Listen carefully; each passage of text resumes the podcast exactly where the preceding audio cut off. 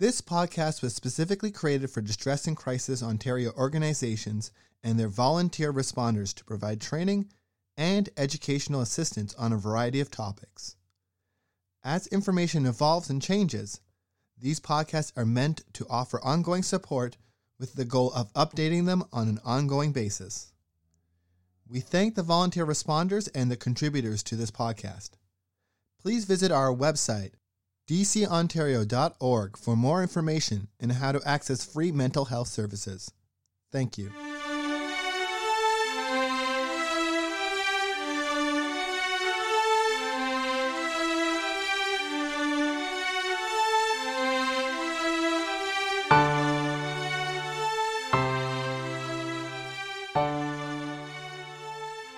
Hello, my name is Caitlin Plant, and I am the Program Manager at Distress and Crisis Ontario.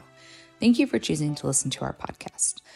While it may be a few weeks away still, getting ready to go back to school can feel like an impossible task for students and parents alike. This week's podcast contains information from two sources one aimed at supporting college and university students, and one aimed at supporting parents and younger children. The first is an article titled How Can We All Benefit from a Back to School Mindset from Refinery 29. The second is an article titled Seven Ways to Ensure a No Stress Back to School Transition from Bend Health. Gearing up for another year in college can feel a lot like New Year's Eve. There's anticipation, some nervous excitement, and the knowledge that change is soon to come. Much like January 1st, September is always a good time to take stock of your personal and academic life, make new goals, shed bad habits, and assess new opportunities. This back to school mindset is fertile ground for personal growth and positive change, and there's no reason it needs to end by the time October rolls around, even if you're not a student anymore. It can be overwhelming to set aside time for even more planning, but fostering a back to school mentality beyond September is an opportunity to ground yourself in what you want and introduce small changes. It's a matter of working smarter, not harder, and the sooner you start implementing these new strategies, the better. Starting now enables us to have a broader perspective as taking smaller steps today, rather than panicking and trying to take ginormous leaps later, leads to less anxiety, less burnout, and more fulfillment, says Cindy Chanin, former college admissions officer and founder of Rainbow EDU Consulting and Tutoring. After all, says Chanin, brilliance doesn't always strike like lightning, but stems from micro steps and consistent habits. Here are some tools you can implement to maintain your back to school mindset at any time of the year and at any time of your life. Acknowledge the transition and invest in your mental health. College students experience a burst of freedom, responsibility, and adjustment, enough change to unsettle even the most well adjusted adults, says Colin Pearce, PhD, the Associate Provost for Student Access at the University of New England. Rising college students are simultaneously confronted with seismic changes on all fronts, away from the safety and security of family and friends, all while being asked to navigate new frontiers of personal, academic, and professional development, he says. Returning students might have a slightly less turbulent landing than those setting foot on campus for the first time, but even the best prepared among us go through a period of adjustment when we're starting something new. Begin by acknowledging that every new start represents a new transition and accept that there will be an often bumpy learning curve. Then make sure you take care of yourself and prioritize your health, mental, emotional, and physical, year round. Most of us know the drill solid sleep hygiene, nutritious meals, time for hobbies, friends, and alone time, and regular physical exercise. It can be easy to underestimate the importance of these small commitments, but setting a solid foundation of wellness means you're better able to confront challenges at full capacity. Setting aside time for year round self reflection will help you identify how you're doing really and what actually matters to you. Pearce recommends scheduling time on a regular basis, as you would a class or study date, and finding a distraction free setting. This could be as simple as a weekly check in about your school, relationships, and mental health. What thoughts, emotions, or incidents were significant this week? Where did I thrive and where did I struggle? Am I satisfied with where I am? Make a realistic plan, but don't panic when it's time to adjust. Making a plan for yourself can feel like a big task, but think of it as a flexible inventory rather than a gigantic to do list. Start your inventory with the categories that matter to you, like academics or job performance, health relationships, finances, and passions. Take stock of the resources, people, and non negotiables, like classes or a job, that are in your life. Then ask yourself what you want more of and what you want less of.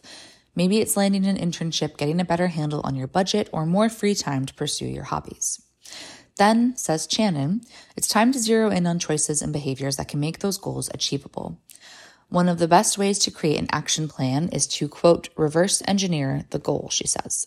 Work backward and break it down into tangible, digestible tasks that you can take to get where you are going. After you have your action plan, seek out the support of a trusted mentor, friend, or professor for feedback and add each step to your goal on your calendar so you stay accountable. Chanin says that laying out a game plan this way can be transformative, whether you do it weekly, monthly, or even just quarterly. Find a consistent cadence and routine that works for you, she says. The goal is to take stock at regular intervals without it feeling cumbersome to the point where you'll find yourself wanting to avoid it altogether. Remember that your plan should still be flexible enough to adapt to your changing needs. Give yourself grace when you need more time, celebrate wins, big and small, and allow your priorities to change without beating yourself up. Focus on balance, not FOMO, or fear of missing out. To meet your goals, a well organized calendar will be your new best friend. If academic or work needs to come first, you make sure it takes priority in your calendar and build out your free time from there extracurriculars, gym time, social events, etc. Each day will likely have its own tempo, but by planning ahead and knowing what you need to get done, you'll be able to keep on top of your goals. Realistically, with an airtight plan and priorities list, it's still possible you'll miss out on some experiences. If you have a set time to do coursework, it may mean sometimes missing out on a spontaneous night out with friends. Remember that it's okay to miss some things as long as you're able to maintain a balance of fun and goals. A back to school mindset means you're looking at both long term goals and short term experiences and not letting the fear of missing out guide your life. The college experience varies from person to person. What is depicted on TV and in the movies isn't real life for most students. That's what Stephanie O'Dea, life coach and host of the Slow Living podcast, says. Decide on purpose what events are important, like football games or certain campus mixers, and attend them. Don't succumb to FOMO. Do only the things that make you feel good. This year, try tapping into the back to school mindset every time you wake up and head to class or the office, prep for another paper, or crack open a book. By practicing self care, reflecting on and planning for your goals, and striking the right balance between free time and responsibilities, you'll be ready for anything, any time of the year. Now, if you're a parent of a child returning to school in the fall, let's explore how to navigate your child's potentially big feelings.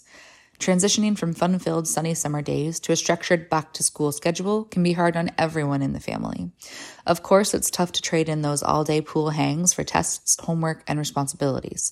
So it's important to give your child or teen the tools they need to empower them to take on the new year in the classroom with confidence.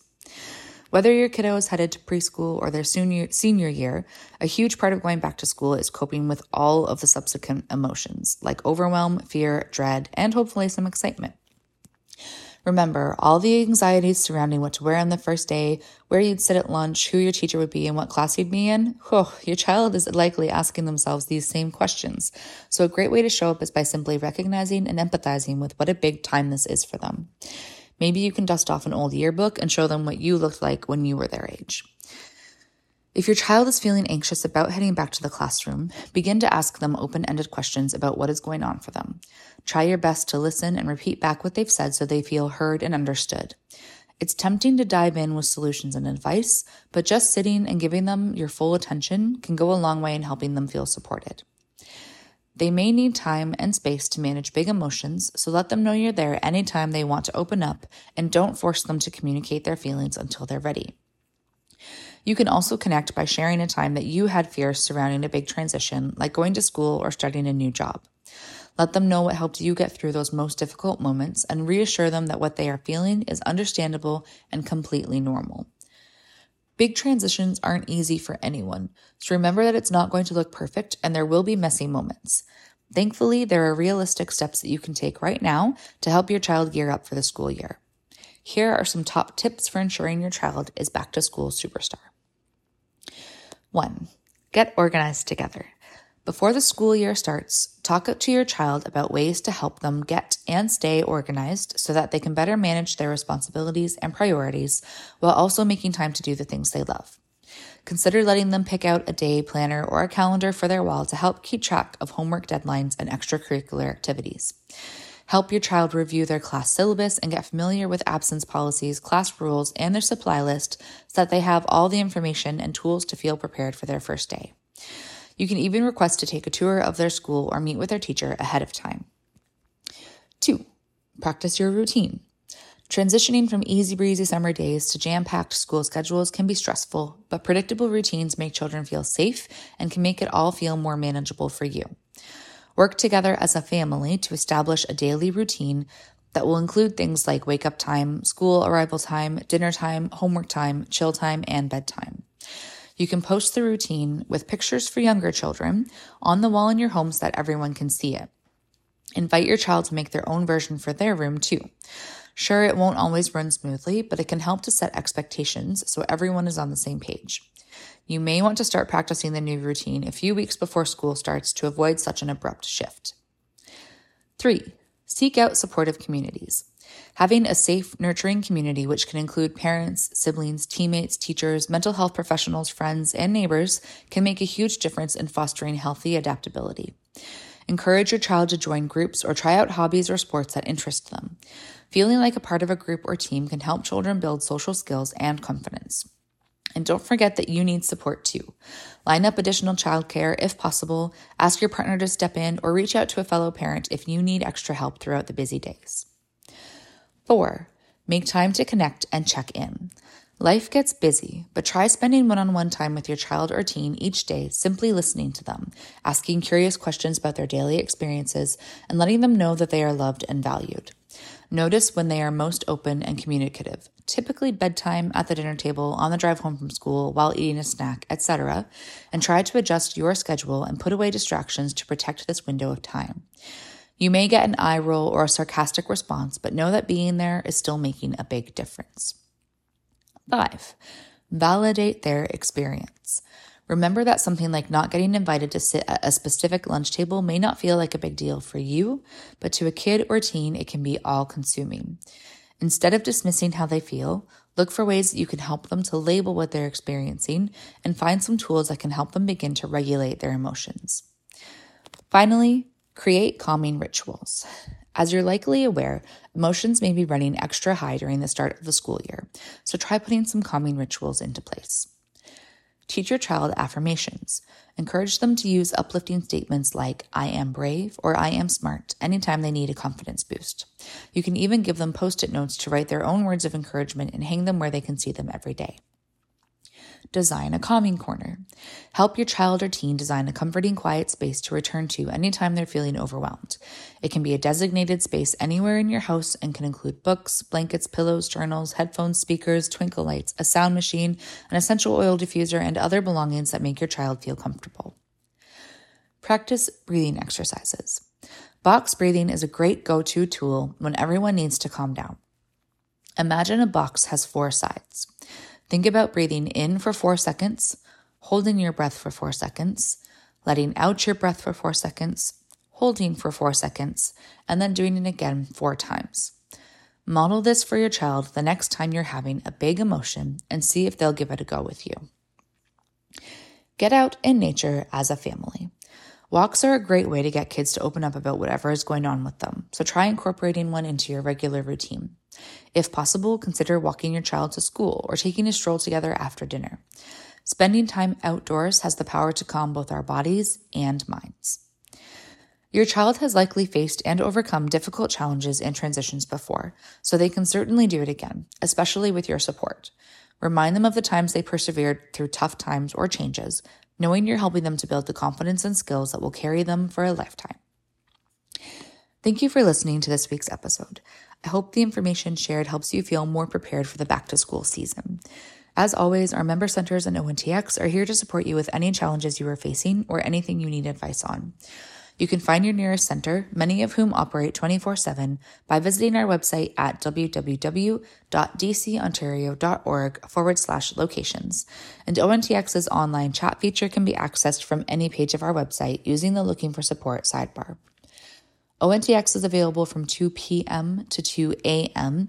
Eastern Standard Time every day of the week and can also be accessed by texting the word support to 258 258. If you have any feedback on today's episode or would like to request future content, please do use the link in our show notes to fill out our feedback form. We would absolutely love to hear from you. Thank you again for listening. I hope you have a great week and join us again next time.